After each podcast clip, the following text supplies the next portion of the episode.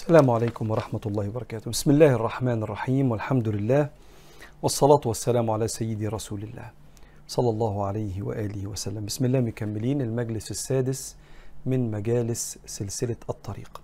بندرس العقيدة الطحاوية وكتاب الشمائل المحمدية وكتاب الفقه الواضح من الكتاب والسنة على المذاهب الأربعة وكتاب أيها الولد. العقيدة الطحاوية للتعرف على أركان الإيمان وعلى رأس أركان الإيمان الإيمان بالله فالعقيدة بتعرفك على الله. ثم الشمائل المحمدية للتعرف على سيدنا رسول الله. ثم الفقه على المذاهب الأربعة لفهم دينك فهم الإسلام. ثم تزكية النفس وترقية الأخلاق. الله النبي الإسلام النفس. وصلنا مع بعض في الكتاب الأول العقيدة الطحاوية لجزء مرتبط بالكلام عن مسألة الإيمان بالقضاء والقدر.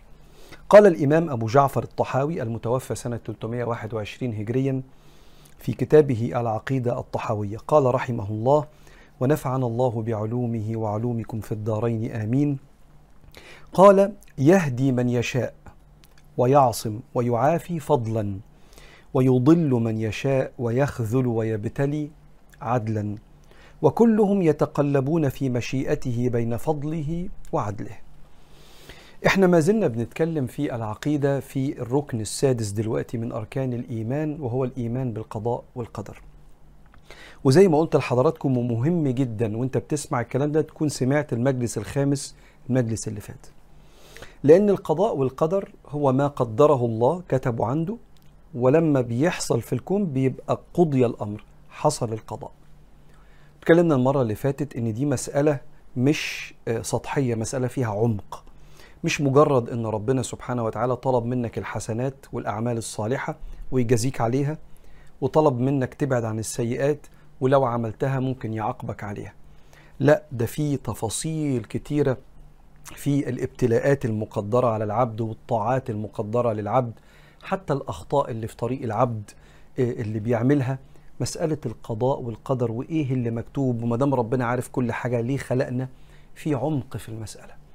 والعمق ده جواه سر والسر ده اسمه سر القدر لم يطلع عليه لا نبي مرسل ولا ملك مقرب. عشان كده هو من أركان الإيمان الستة. القضية مش مجرد معلومة منطقية فهمتها اقتنعت صدقت. هناك جزء خاص بالله. زي كده ما هناك جزء خاص بالله إنك مش هتعرف تحيط بربنا.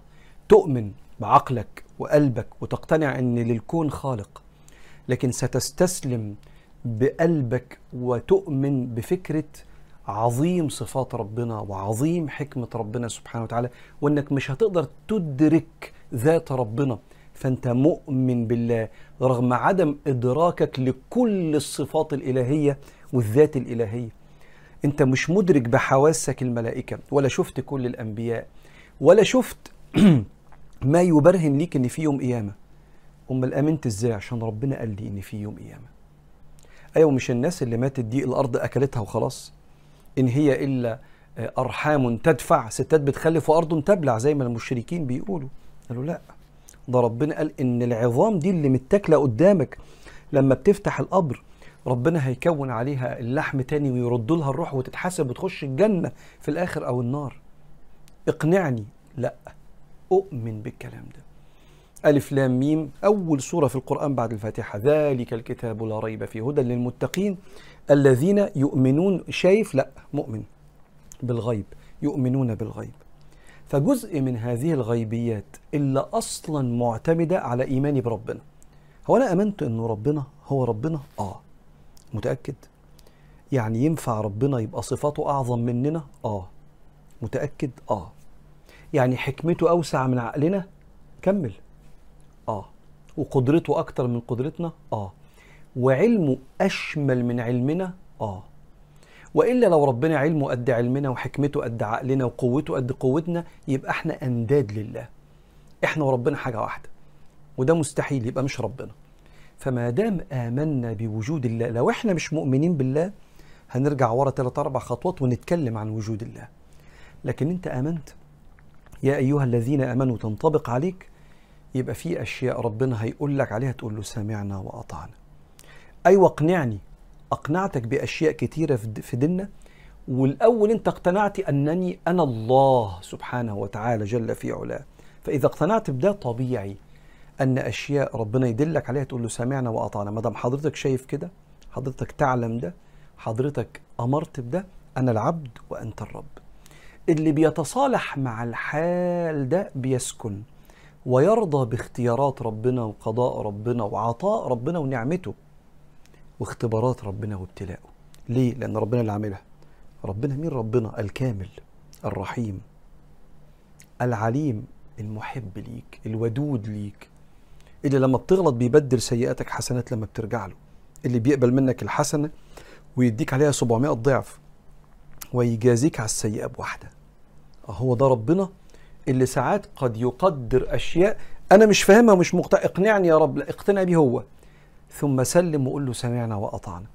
دي ببساطة مسألة القضاء والقدر. وإحنا هنمشي نشرح أكتر. بس إيه الفكرة اللي وراها؟ فكرة إن في شيء غيبي محتاج إن أنا أسلم وأؤمن بيه. لأن مسألة القضاء والقدر مش معادلة منطقية. واحد زائد واحد يساوي اتنين. فهمتك يا رب؟ تمام. عدي الم... لا مش عدي. ده أنا في حاجات مش مدركها هقول له آمنت لأن حضرتك اللي قلتها يا رب. عشان كده كنت بفكرك المرة اللي فاتت إن سر القدر والاقتناع بالقدر هو القدرة على التجميع ما بين الثلاث دوائر دول. أنه لا فاعل في الكون ولا يكون في ملك الله إلا ما أراد. النعم والبلاءات الطاعة والمعصية. لن تطاع إلا بإذنك ولم تعصى إلا بعلمك فلا يكون في ملك الله إلا ما أراد. طب والناحية الثانية الدايرة الثانية أنت محاسب على اختياراتك. طب والدايرة الدايرة الثالثة ولا يظلم ربك أحدا. أيوة بس في هنا حتة ناقصة. لما كل حاجة بإرادته وأنا هتحاسب وهو كده مفيش ظلم ليا لأ. التلات دواير دول اللي بيسلم ليهم ويصطلح عليهم لأنه آمن بالله مستريح قوي قوي فالذي واجهتك منه الأقدار هو الذي عودك حسن الاختيار. اللي اختارك مسلم مؤمن بالله ورسوله من غير أي إحسان منك من غير ما تعمل أي حاجة. قطع لك ثلاث ارباع طريق الجنة. 90% من طريق الجنة. مطلوب منك شوية اجتهادات وأعمال إنك أنت تعملها وكله على ربنا سبحانه وتعالى. دي ببساطة اللي قلناه المرة اللي فاتت في مسألة الإيمان بالقضاء والقدر. وبعدين جه في القضاء والقدر وقام قايل حتة كده إيه؟ واضحة. قال وأمرهم بطاعته ونهاهم عن معصيته وكل شيء يجري بقدرته ومشيئته ومشيئته تنفذ. لا مشيئة للعباد إلا ما شاء لهم. يعني لا مشيئة تقهر مشيئة ربنا وتغلب مشيئته. إنما الذي سيحصل في هذا الكون ما أراده الله. فما شاء لهم كان وما لم يشأ لم يكن. قلنا ده المرة اللي فاتت. الجديد بقى. يهدي من يشاء ويعصم ويعافي فضلا فضل من ربنا. إن إحنا قاعدين بنسمع عن ربنا دلوقتي. مش عشان إحنا تعبنا فربنا ادانا على قد نيتنا ولا على قد تعبنا لا لا. ده تعبنا ده فضل من ربنا. ونيتنا الحلوة اللي جوانا إذن وخلقة ربنا خلقها جوانا. يهدي من يشاء ويعصم. العصمة هي البعد عن الذنوب. ليس المقصود هنا العصمة التامة بتاعت الأنبياء. إنما أنا كنت جاي أعمل حاجة غلط فربنا عصمني منها. فضلا. ويعافي يعافي من البلاء فضلا يهدي من يشاء ويعصم ويعافي فضلا. آه حلوة الجملة دي ومتسقة. إن كرم ربنا ده ده فضل من ربنا. ومعافاة ربنا لينا من البلاء فضل. قدر ربنا ده هنشوف ربنا قدر علينا نبقى مسلمين.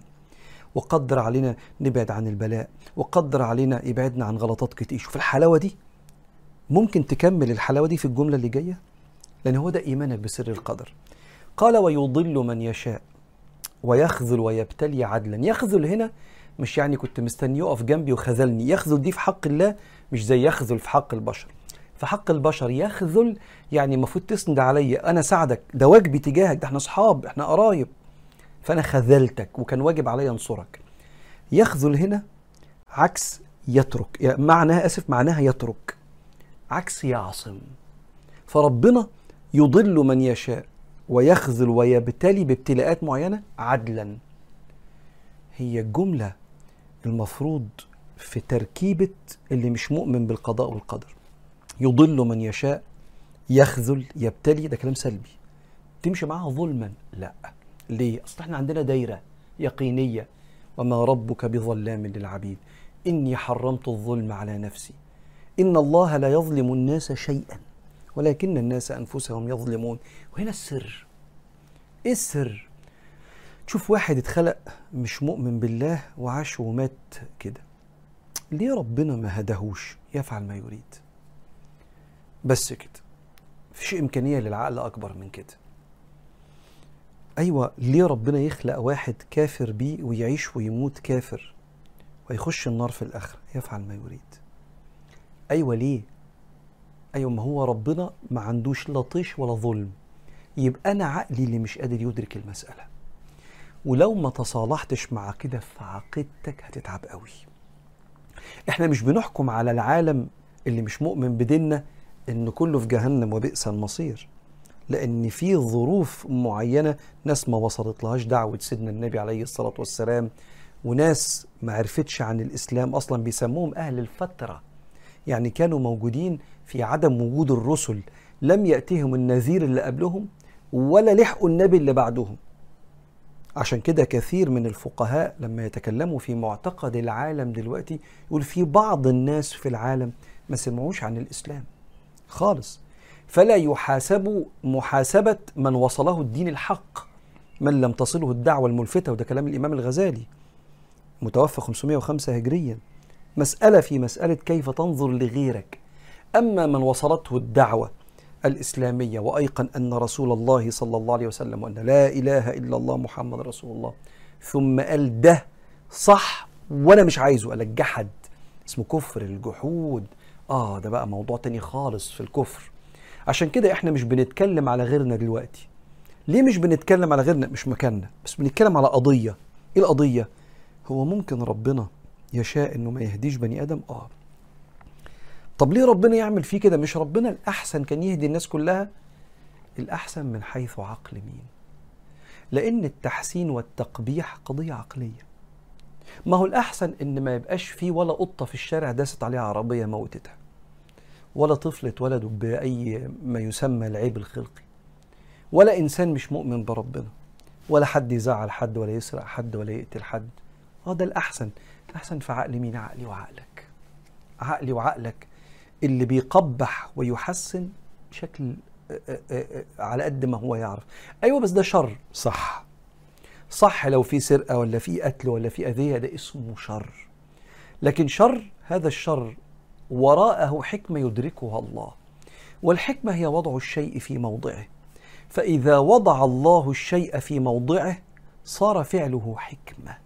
لأن عندنا فرق إسلامية وبرضه مش عايز أشغل بالك لأن شرح العقيدة هنا شرح مبسط. مش عايز أشغل بالك ببعض الفرق الإسلامية اللي بتقول يجب على الله أن يفعل الأصلح. يجب على الله. يعني الموضوع ده إيه الأحسن فيه؟ الأحسن إن ده يطلع مؤمن ويخش الجنة حتف. ربنا ما عملش كده. ليه؟ ليه ما تعملش كده يا رب؟ كان يجب عليك تعمل الأصلح. فأهل السنة يقولوا لهم لا. الله لا يجب عليه شيء.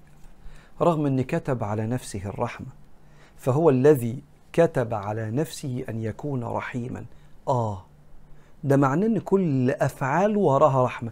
أنا مش مدرك أني أشوف طفل عيان ولا حيوان بيتألم ما عملش غلطة ولا الحروب دي كلها ولا الستين مليون اللي ماتوا في الحرب العالمية الثانية أنا مش قادر أدرك. أنا أنا وأنت وأكتر واحد عقله عظيم في الدنيا حكيم في الدنيا. ما ينفعش يقارن بحكمة الله. وبالتالي لو سمحت كل في طبقك بص في ورقتك. لا تنشغل بتصحيح حسن تدبير الله للعالم. لأن تدبير الله للعالم فوق فوق فوق إدراكك. أيوه ليه يخلقوا فوق إدراكي. مش كان كل حاجة تبقى سهلة كده ويفسرها لنا كده وتبقى الدنيا حلوة كده وكل حاجة فاهمينها. هو أراد كده. لحكمة يمكن يشرحها لنا في الاخره فلما يشرحها لنا يا نهار أبيض إيه الجمال ده؟ ده هي كانت لازم تمشي كده يا رب. طب لسه ما شرحهاش يفعل ما يريد لأن أنا مصدق إنه ربنا. ما دام مصدق إنه ربنا يبقى سمعنا وأطعنا. تعبت واجتهدت رزقني. شكرا. تعبت واجتهدت والرزق اتأخر. حكمة. تعبت واجتهدت وبعدين واحد مرض وتألم في المرض واحد تاني خد الدواء. ربنا شفاه يفعل ما يريد. ولا واحدة من دول فيها ظلم أو طيش أو تسرع أو نسيان أو لخبطة. ليه؟ لأن الرب كامل ليس فيه من صفات البشر اللي فيها عجز ولخبطة ونسيان وظلم. البشر الناقص. الرب الكامل الدايرة الثالثة الدايرة الأولى يفعل ما يريد. لا يكون في ملك الله إلا ما أراد. الدايرة الثانية أنت محاسب على اختياراتك وفعلك. الدايرة الثالثة ولا يظلم ربك أحدا. حطهم جنب بعض وامشي كده. ده هيخليك تعمل إيه في الآخر ونختم المسألة دي هنا بقى عشان ما نطولش في مسألة القضاء والقدر ونكون قفلناها المرة الأولى. لسه هنتكلم فيها تاني. نختم بإيه؟ بكلمة عيش بيها. عيش بكلمه آه، حطها كده. أنت مسير في الأقدار. الدنيا حر ولا برد مسير. أبويا وأمي بيتخانقوا ولا طيبين مسير. طويل قصير أسمر أبيض خلاص. فقير غني. أنت مسير في ال... طلعت في بلد فيها حروب أو أمان دي حاجة بره إيديك. ومخير في رد فعلك مع هذه الأقدار. آه ده اللي أنت مشغول بيه بقى. آه هو أنا لما أكون فقير أعمل إيه؟ أجتهد علشان أكسب فلوس تكفيني. وأرضى بقضاء الله إنه خلقني فقير وابحث عن الغنى. آه حلو الكلام ده. لو ربنا خلقني في بيت آه، فيه خناقات ومشاكل أحاول أبقى بر بأهلي وأتعلم الحاجات الوحشة اللي كانت بتحصل ما طبقهاش في بيتي. ده اللي أنا مطلوب مني مني. لو مديني نعمة كبيرة ربنا سبحانه وتعالى وأعمل إيه؟ أشكر النعمة دي وأحافظ عليها وأكبرها وأدوق الناس من خير ربنا اللي في إيديا. آه ده اختيارك. بعد ما تعمل ده كله لن يخرج فعلك عن أقدار الله وعن إرادة الله. الله رجعتنا تاني. ما أنا هو أنا هنفضل كده. هنفضل كده. عارف ليه؟ عشان تطمن. مش هعرف أقطع رزقك لأن الرزق بيد ربنا. يعني ربنا متحكم في فعلي. مش هعرف أذيك. ليه؟ لأن الأذى والنفع بايد ربنا. مش هعرف أعمل كده إلا بإرادة الله. أقول لك مش هعرف أنفعك. مش هعرف أهديك.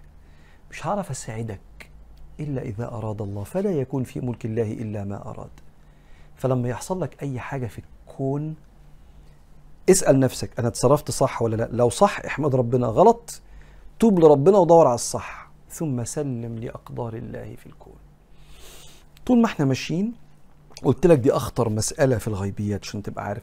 فأنا مش مخضوض لو في بعض الناس متلخبط. خليك معانا واحدة واحدة لغاية ما يستقر عندك الأمر. أختم مسألة القضاء والقدر.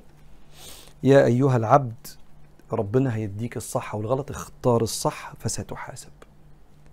فإذا اخترت الصح اعرف أنها كانت إرادة الله. واشكر ربنا وكمل في الصح. ولو اخترت الغلط تب إلى الله فقد أخطأت ثم سلم لإرادة الله. الذي لا يظلم أحدا سبحانه وتعالى. ابدا لا يظلم ربك أحدا. سلم لإرادة الله وتوب. ويبقى ربنا يفك لنا المسألة دي. إيه المسألة دي؟ مسألة سر القدر. الذي قال فيها الإمام في كلمة النهارده يهدي من يشاء ويعصم ويعافي فضلا. وبالمناسبه ده حالنا دلوقتي وإحنا بنتكلم عن ربنا. قاعدين في مجلس العلم بنتكلم على ربنا في تحفنا الملائكة وتنزل علينا الرحمة. فأنت من المهتدين خد بالك. فاشكره. فعل الله فيك. ويضل من يشاء ويخذل ويبتلي عدلا. وكلهم يتقلبون في مشيئته. بين فضله وإيه؟ وعدله. فكل الصفات صفات كمال وجمال وعطف ورحمة من الله بنا سبحانه وتعالى. تعالوا نوقف هنا في كتاب العقيدة الطحاوية ونكمل إن شاء الله المرة الجاية على خير.